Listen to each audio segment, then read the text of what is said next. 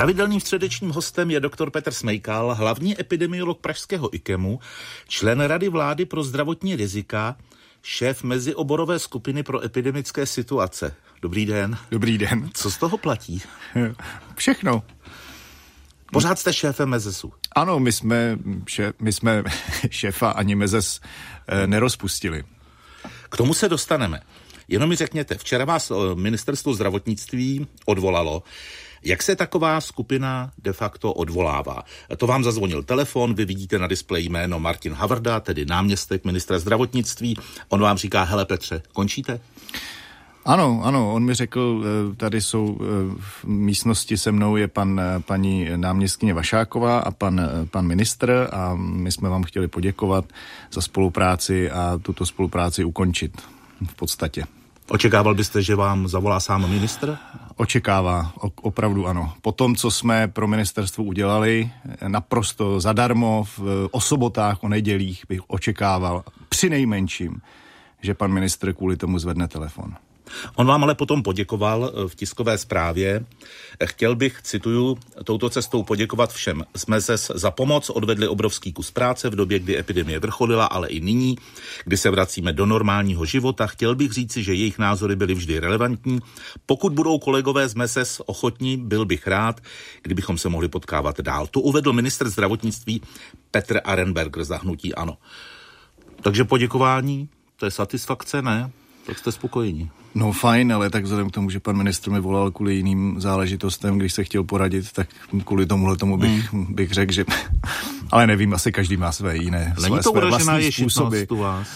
Není, to je jenom jako ta forma vás překvapí. Hmm. To víte, že my jsme, my jsme to tak tušili. Já jsem eh, už vzhledem k tomu, že e, jsme rozporovali to doporučení e, v té době ještě klinické skupiny e, o tom, že se přestane testovat při incidenci 75 na 100, což vlastně teď už bychom byli teda úplně v mlze a netestovali, tak jsem, nebo co jsme dostali materiály, nebo jsem dostal materiály k připomínkování na radu vlády asi hodinu a půl předtím, než byla ta rada vlády, tak jsem jako tušil, že, že se něco chystá. To, to, to máte takovou takovou tu intuici, která vás většinou ne, nesklame.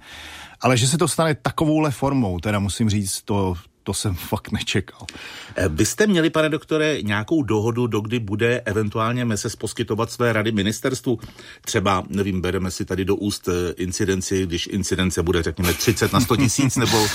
V té chvíli přestaneme poslouchat MESES a přestaneme testovat. Ne, ne, ne, nic takového nebylo. My jsme měli jmenovací dekrety jako poradní skupina ministerstva, všechno v pořádku a ty dekrety byly časově neohraničené.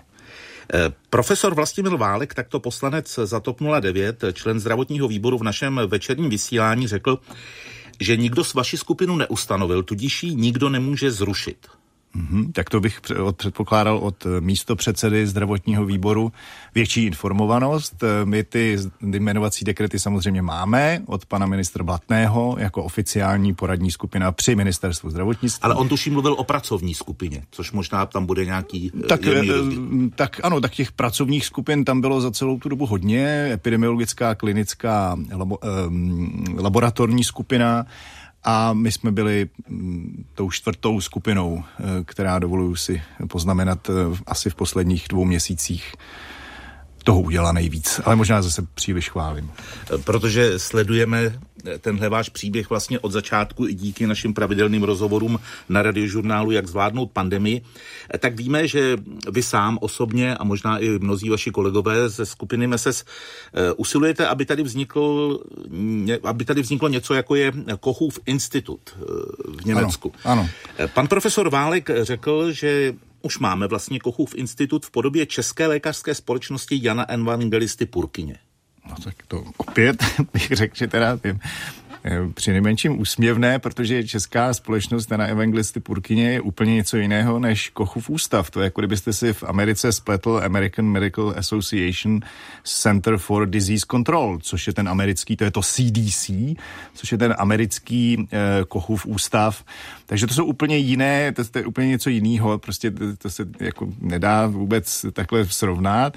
Ten Kochův ústav nám tady skutečně chybí. My vlastně jsme měli v roce 1920 eh, jaký jakýsi Kochvuk ústav, nebo v, za první republiky až do velmi funkční, až do 60. let. Eh, státní zdravotní ústav, v jehož čele byl i mm, významný vlastně český, nejvýznamnější český epidemiolog pan profesor Raška, který se podílel na vymícení pravých neštovic ve světě, to byla prostě světová osobnost. A pak prostě s 80. lety a zejména po po revoluci tenhle ten ústav byl v podstatě, hm, v podstatě upadal. A teď, eh, teď ale pořád je třeba... existuje. Ale pořád existuje, no, to je pravda. Ale tak tak co byste chtěl?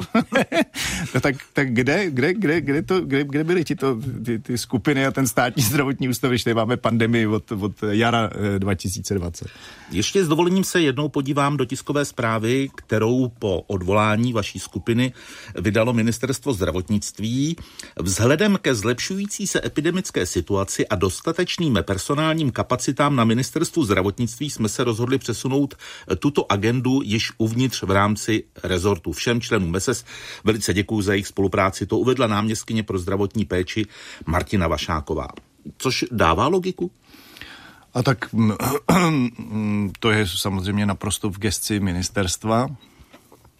Já teda musím říct, že jsem ráno zaznamenal rozhovor paní primářky Vašákové, kde říkala, že tady jsou v těchto skupinách ti skuteční experti, tak doufám, že... To říkala tady na rady, že? Ano, ano, tak doufám, že když jsem se měl, tak to mě trošku zarazilo, protože asi my jsme ti neskuteční teda experti, nebo já nevím, jak už si to vykládají, ale já bych jen poznamenal, že tahle ta skupina klinická vlastně už je tady opět, stejně jako všechny ty státní instituce, které měly být a mm, kteří nepřišli, nebo tak, eh, z, z nich měli přijít ty odborníci a nepřišli, tak ti jsou tady opravdu od jara 2020 a zrovna ta klinická skupina teda po celou tu mm, vlastně ona se trošku změnila, v jádru je stejná, vydávala někdy dost eh, jako zajímavá eh, rozhodnutí, jako třeba k tomu eh, k tomu, k té kolektivní imunizaci nebo promořování na jaře 2020. A pak byla přece i hodně kritizována za, za pana profesora Černého a teď je to prostě mm, zase klinická skupina,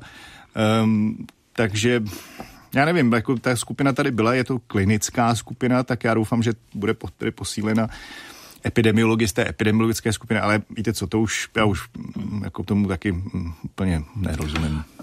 No, před námi asi bude obtížnější úkol. Asi teda musím dodat, že je dobré, eh, zamnívala jsem to z těch tří skupin udělat jednu skupinu. Jasně. To je určitě. Ne, jestli paní náměstkyně mluví o skutečných odbornících, eh, tak eh, že i možná pro média, ale i pro veřejnost bude asi obtížné teď si říkat, mám poslouchat toho, je to ten skutečný odborník, nebo mám naslouchat tomu, to není to ten skutečný no. odborník. Eh, řekněte mi, pane doktore, v čem se dělí ta odborná veřejnost lékařská? Co je tou dělící čarou? Já nevím, z mého pohledu teda pořád je to udělící čarou to, že někdo praktikuje medicínu založenou na důkazech um, a takovou tu, jakou se dělá v západních zemích. Ehm, a někdo hm, praktikuje medicínu založených na dojmech a pocitech. To už prostě těch tady je dost, ehm, těchto odborníků a já myslím, že už přece jenom patříme do západního světa, takže bychom měli praktikovat tu medicínu založenou na důkazech. Jedním ze smyslů existence MEZES bylo právě e, snažit se tu epidemii, a možná to slovo řídit je špatně, ale, ale posuzovat a, a vlastně řídit podle kritérií, která jsou běžná, běžná v západních zemích. My jsme tady s Mezesem jako ne, ne, nevymysleli něco úplně nového. My jsme, e, vemte si jenom ta čísla incidence, třeba dřív se hodně zohledňovalo to, to, to, to naložení nemocnic a tak dále. Jako to jsou běžné postupy, které jsou založené na datech, proto také všimněte si, že ve všech těch našich do, dokumentech jsou odkazy na, na literaturu, která jako důkazně, je, eh, jako která dokazuje, že tohle to jsou studiemi ověřené eh, závěry. A pak, pak jsou tady odborníci, mi kdy připadá, který si tak řeknou, no já si myslím, že to tak je a to by jako být nemělo. A mně připadá, že pořád tenhle ta tahle ta, my jsme tomu občas říkali eminence-based medicine, jakože to je ta eminence toho pana profesora, který prostě řekne, já si myslím a tak to teda určitě musí být, protože já přece vím všechno. A, a to jako tak když se budou uvádět zdroje těch doporučení, jako my uvádíme u těch našich do, do, dokumentů, všimněte si na webových stránkách, jsou vždycky zdroje ze zahraniční literatury, z čeho vycházíme, aby bylo jasné, že se nejedná o naše pocity a názory, ale o fakta doložená zahraničními studiemi, tak bude líp. Pane doktore, my jsme nedávno v našem rozhovoru, jak zvládnout pandemii, žertovali na téma, kdo všechno má mobil na Andreje Babiše, na předsedu vlády České republiky. Volal jste mu třeba včera, abyste zvěděl, odkud vítr fouká, když vaši skupinu rozpustili? nevolal, nevolal. A jestli se ptáte, No, pardon. No, no to jestli se ptám, jestli tomu volal. No ne, ano, ano, ne, jasně, ne, nevolal a teď jsem chtěl jako, že někteří, ano, někteří mi říkají, jestli ty zatím nestál můj rozhovor pro novinky, nebo jestli, jestli, jestli zatím vším, no, ano, to, vy jste, vy jste, no, no, nepřeskakujete, jdete celkem ústrojně po lince nějaké dramaturgie tohohle rozhovoru, protože ono se z toho, ať chcete nebo nechcete, politikum stává, třeba eh, podle ODS, Lidovců a Pirátů je konec vaší skupiny reakcí na vaše vyjádření vyjádření, když jste na serveru novinky CZ řekl, že stát kritickou část epidemie nezvládl a že jste z politiků a jejich přístupu v době pandemie dost roztrpčený. Mm-hmm. To vám ujelo a vzal byste to radši zpátky? A ne. nebo mi to zopakujete? Ne, já se, za, já se po to podepisuju. Já jsem opravdu z politiků roztrpčený a jestli tohle, to, jestli zrušení naší skupiny je taky politika teda, no tak to už jsem úplně roztrpčený, ale co s tím nedělám tak by asi bylo dobrý eh, co si změnit v této zemi, jako protože je něco schnilého ve státě dánském, protože tohle to přece jako nemůže být politika. A to vlastně my jsme vždycky chtěli, aby ta odborná rada byla oddělená od politiky. A jestli se to zase do toho začíná míchat politika, Um, přece někoho nemůže jako jeden rozhovor uh, uh, vést k tomu, aby zrušil celou odbornou skupinu. Dobře, tak opustme to politické kolbiště a pojďme zase zpátky do toho odborného. Činnost vaší skupiny minulý týden kritizovala skupina 12 lékařů. Vláda má podle nich standardní mechanizmy řízení epidemie. Kritikům taky vadilo, že MESES nenese za svá doporučení žádnou právní, ekonomickou ani politickou zodpovědnost. To mi řekněte, jakou zodpovědnost politickou, právní, ekonomickou má poradní skupina podle vás. Ale přesně tak, ale tuhle tu právní eh, zodpovědnost nemají ani ty skupiny na, i ty existující skupiny, mimo jiné ta klinická skupina na ministerstvu zdravotnictví. A teď možná mě nějaký právník odpraví. Ale to jsou poradní skupiny, stejně jako my jsme byli poradní skupinou jmenovanou eh, ministrem, takže odpovědnost právní samozřejmě nese ministr. To, na to snad nemusím být velký právník. Čili poradní skupina samozřejmě nenese odpovědnost. Ta poradí, co si a někdo se rozhodne a to je ministr. Ne? Ano, pak je tady ještě nějaký a pak zákon o státní vláda. službě, takže tam ty odpovědnosti jsou ještě další. To bychom šli na celkem komplikované. Dobře, ale my jsme vlastně byli na stejné úrovni jako ostatní poradní skupiny, hmm. tak myslím, že to bylo myšleno i panem, i, i, i panem docentem Blatný, který nás jmenoval. Ale Jakou zodpovědnost vy osobně jste si připouštěl? Když jste do toho šel? Zodpovědnost za to, že ta odborná doporučení, která dáváme, jsou právě založená na důkazech a jsou, jak my říkáme, omlouvám se ten anglický termín, evidence-based. To znamená, že jsou založená na důkazech, že jsou, že jsou to zahraniční nebo, nebo prostě validní studie, které vedou k nějakým závěrům a k doporučením. Jo, za, to, za to si musí ručit ten odborník. A ten doporučí a ten politik, ministr, předseda vlády, co si z toho veme a co řekne těm lidem, e, dobře, to jsou odborné rady, ale hlas lidu je jiný, já se těmi odborníky řídit nebudu. E, to tady končí ta odborná odpovědnost a začíná ta politická. Epidemická skupina MESES bude dál pracovat, ale nikoli tedy pod ministerstvem zdravotnictví. Chcete připravit dlouhodobou strategii pro boj s pandemí, to zase ve svém volnu a zadarmo? Ano, my eh, tohle už, eh, my už na tom trošku pracujeme, my také chceme do, do, dokončit některé ty dokumenty, na kterých jsme začali pracovat a tohle je jeden z nich. Um, tohle se vlastně týká výhledu, uh, my bychom to rádi měli někdy v červnu, tohle se týká výhledu, aby lidé měli představu, i když my samozřejmě taky nemůžeme vědět, co bude, ale všichni víme, že ten podzim je vždycky horší než léto. Takže abychom tak nějak vydali mm, ne doporučení, ale spíš jakýsi, jakýsi výhled na to, jak by ta situace mohla vypadat na podzim a třeba i příští rok. Proč dlouhodobou strategii eh, nedělá ministerstvo zdravotnictví, když na to má odborníky, nebo ji dělá? To já nevím, to já nevím, třeba ji dělá. Budou dvě? Tři? Můžeme porovnávat. Ale oni by se opět na základě těch jaksi dostupných dat vlastně neměli tolik lišit. No. Vy prý budete spolupracovat s asociací krajů České republiky? tak spolupracovat mě volal pan hejtman Kuba eh, včera, že si velmi váží naší práce a že, že jestli by nemohli jak si se nás zeptat eh, na nějaká opět odborná, ryze odborná doporučení, tak jsem řekl, že určitě ano. To samé jsme dostali, eh, dostali jsme i vlastně mm, to, takhle podobně se vytvoř, vyslovili pan ministr Plaga, že by rádi s námi spolupracovali nadále. My samozřejmě nevíme, jestli to zvládneme, ale, ale určitě rádi pomůžeme komu, komukoli, kdo bude o nějakou odbornou radu stát, co se, tý, co se týká pandemie covidu. Posloucháte rozhovor s epidemiologem Petrem Smejkalem v rámci našeho seriálu Jak zvládnout pandemii. Mimochodem jste epidemiolog. Já jsem nemocniční epidemiolog, to je něco jiného. Já mám na to, já mám na to eh, glejt ze Spojených států a uh, jsem nemocniční epidemiolog a infektolog. Asi narážíte na, na rozhovor. Ano. Pana profesora, ano. Takže mohu všechny ujistit, že jsem nemocniční epidemiolog a mám na to certifikát. Tak, byť, byť ne z této země. Za posledních sedm dní připadá v Česku 63 případů covidu na 100 000 obyvatel. Eh, v úterý testy potvrdili 1191 pozitivních případů, což je nejmenší nárůst od září. Eh, jak to, že se ta epidemie pořád zpomaluje? No tak eh, jsou dva faktory, které ji zpomalují. Jeden je ten, to množství proočkovaných lidí, které se neustále zvyšuje a teď sice nejsme na těch 100 tisíc, ale už 90 tisíc, myslím, že bylo včera, čili tady vám narůstá hra z proočkovaných, což je ta významnější složka té um, kolekto, tvořící se kolektivní imunity a pak jsou tam lidé, kteří covid prodělali.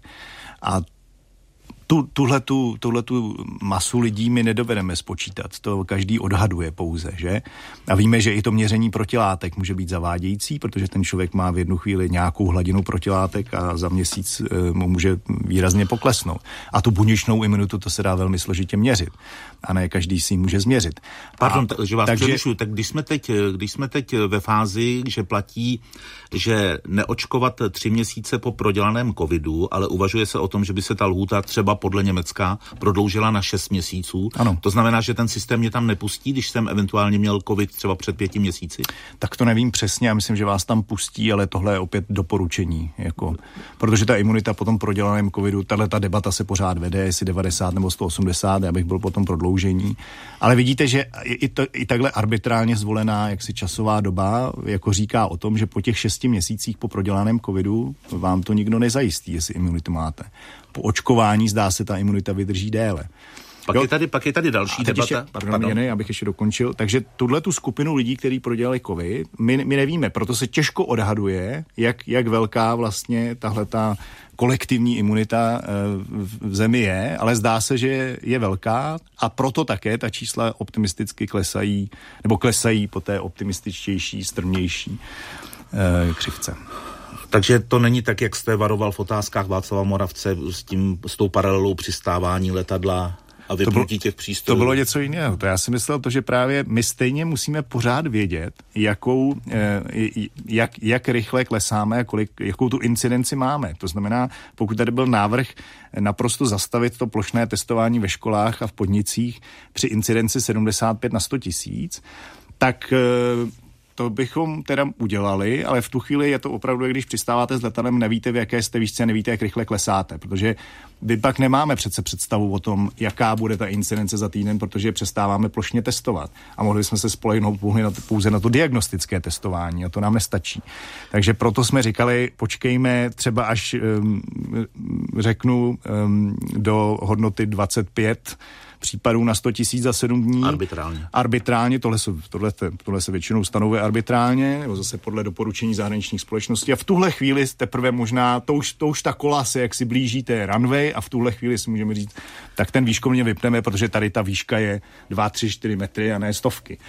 My se dnes ve spravodajství věnujeme ještě jedné bouřlivé debatě, a to těm jednáním, která vedou členové výboru České vakcinologické společnosti. Tam zatím výsledek není, ale oni se nemůžou shodnout, zda a jak v Česku omezit používání vektorových vakcin od společností AstraZeneca, Johnson mm-hmm. Johnson. My jsme oslovili jednotlivé zástupce odborné společnosti a tam nejčastěji zaznívá věková hranice 50 let. Starší lidé by vektorovou vakcínu mohli dostat, mladší ne. Jak vnímáte tuhle debatu? Mm, já vnímám, já nejsem vakcinolog, takže vnímám jí, že to je debata, která, se, eh, která je i v jiných zemích. Eh, je to určitě, je to jasně spojeno tím, že se obáváme i té minimální krevních prostě, incidence krevních sražení u mladších. Takže já počkám na doporučení vakcinologické společnosti, ale je pravda, že tohle už v jiných zemích e, platí, v některých. Česká vakcinologická společnost právě zvažuje doporučení k tomu věkovému omezení právě kvůli tomu vzácnému riziku krevních eh, sraženin. Může tahle debata nějak zbrzdit očkování? Nebo její výsledek takhle? Já myslím, že ne. Já myslím, že ne. Já myslím, že akorát asi budou zase mladší třeba učitelé, kteří budou říkat, no vidíte, já jsem teda dostal Astru a je mi 40 let, protože jsem byl v té profesní skupině těch učitelů a teď mi najednou říkáte, že jsem ohrožen. Tak my vždycky říkáme, vidíte, jak se za, za prvé to poznání o těch vakcínách vyvíjí, za druhé to riziko je stále tak miniskulní a minimální, že my také žijeme ve světě, kde za prvé máme jiné vakcíny, ty mRNA, za druhé, pořád to, i všechny ty odborné společnosti zahraničí říkají, ten přínos těch vakcín i AstraZeneca je daleko vyšší než i to minimální riziko. My jsme prostě, žijeme ve světě, kde jsme hrozně opatrní a právě se snažíme jakoby úplně zminimalizovat eh, jakékoliv pochybnosti o tom očkování. Takže pokud, pokud by samozřejmě mm, tady nebyly jiné vakcíny, tak eh, eh, AstraZeneca je prostě nebo takhle bych to asi neměl říkat, ale zvažujeme, vidíte, že zvažujeme, zvažují se prostě jakékoliv i malé um, případy, nebo v malém množství případy krevních sražení, aby se to riziko vyslovilo a pokud je dostatek vakcín, tak se řeklo, Astru budeme očkovat jenom na, a teď myslím, že ta debata se vede jestli nad 50 nebo nad 60. Přesně tak se vede.